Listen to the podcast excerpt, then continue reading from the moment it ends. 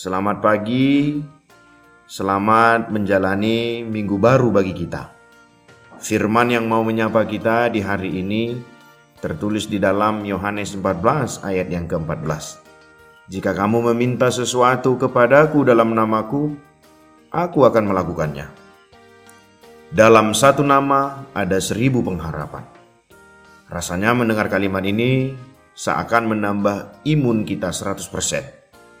Karena ada jaminan yang diberikan oleh Yesus dalam kalimat, "Aku akan melakukannya." Lantas, pertanyaan berikut yang muncul ialah, apakah kita sudah sungguh-sungguh meminta atas nama Yesus? Yang sering terjadi, kita meminta atas nama keinginan kita, kedagingan, keserakahan, bahkan dendam atau iri hati. Ini pun harus dimengerti dengan jelas, meminta sesuatu dalam namaku Apakah jika dalam nama Yesus yang penuh kasih dapat kita minta atas nama keinginan kita, keserakahan atau iri hati? Maka inilah yang dikatakan di dalam Yakobus 4 ayat 3. Kamu berdoa namun tidak memperolehnya karena kamu salah berdoa. Sebab yang kamu minta hendak kamu habiskan untuk memuaskan hawa nafsumu. Sehingga yang kita minta tak terkabulkan. Saat kita berdoa meminta segala sesuatu dalam nama Yesus, kita memiliki penyerahan diri kepada Tuhan Yesus, berdoa menurut kehendaknya, bukan menurut kehendak diri sendiri. Kita berdoa dalam nama Yesus karena Dia sendiri mengajarkan agar kita berdoa dalam namanya. Alasan pertama, kita berdoa dalam nama Tuhan Yesus supaya Bapa dimuliakan di dalam anak. Yohanes 14 ayat 13. Alasan kedua, karena kita dilayakkan menghampiri tahta Allah oleh Tuhan Yesus yang telah menjadi korban penebusan bagi kita. Ibrani pasal 10 ayat 12 dan 14 dan menjadi pengantara bagi kita. Alasan ketiga karena berdoa dalam nama Tuhan Yesus yang berkenan kepada Allah. Mengucap dalam nama Yesus pada akhir doa bukanlah sebuah mantra. Jika apa yang kita minta dalam doa bukanlah untuk kemuliaan Tuhan dan bukan sesuai dengan kehendaknya, mengatakan dalam nama Yesus tidak ada artinya.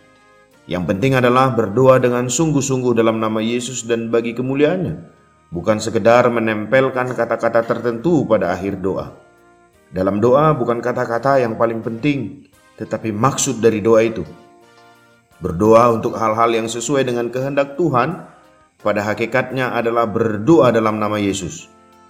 Oleh karena itu, mulailah hari-hari kita dengan berdoa kepadanya, Mintalah agar Ia menyertai dan memberi kita kekuatan untuk menjalani kehidupan kita.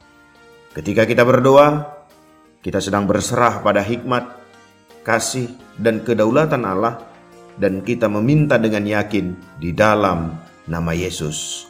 Kembalilah kepada firman Allah, Tuhan memberkati.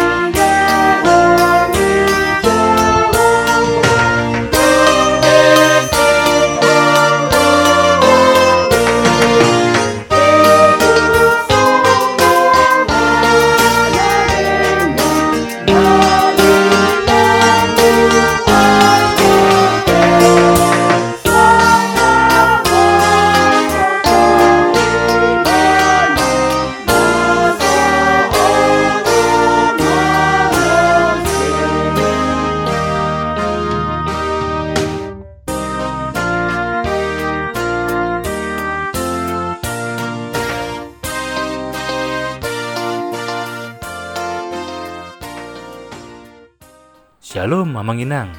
Terima kasih sudah mengawali hari dengan mendengarkan renungan hari ini. Yuk bagikan renungan harian ini kepada keluarga kita. Sampai jumpa di renungan harian berikutnya ya. Tuhan Yesus memberkati.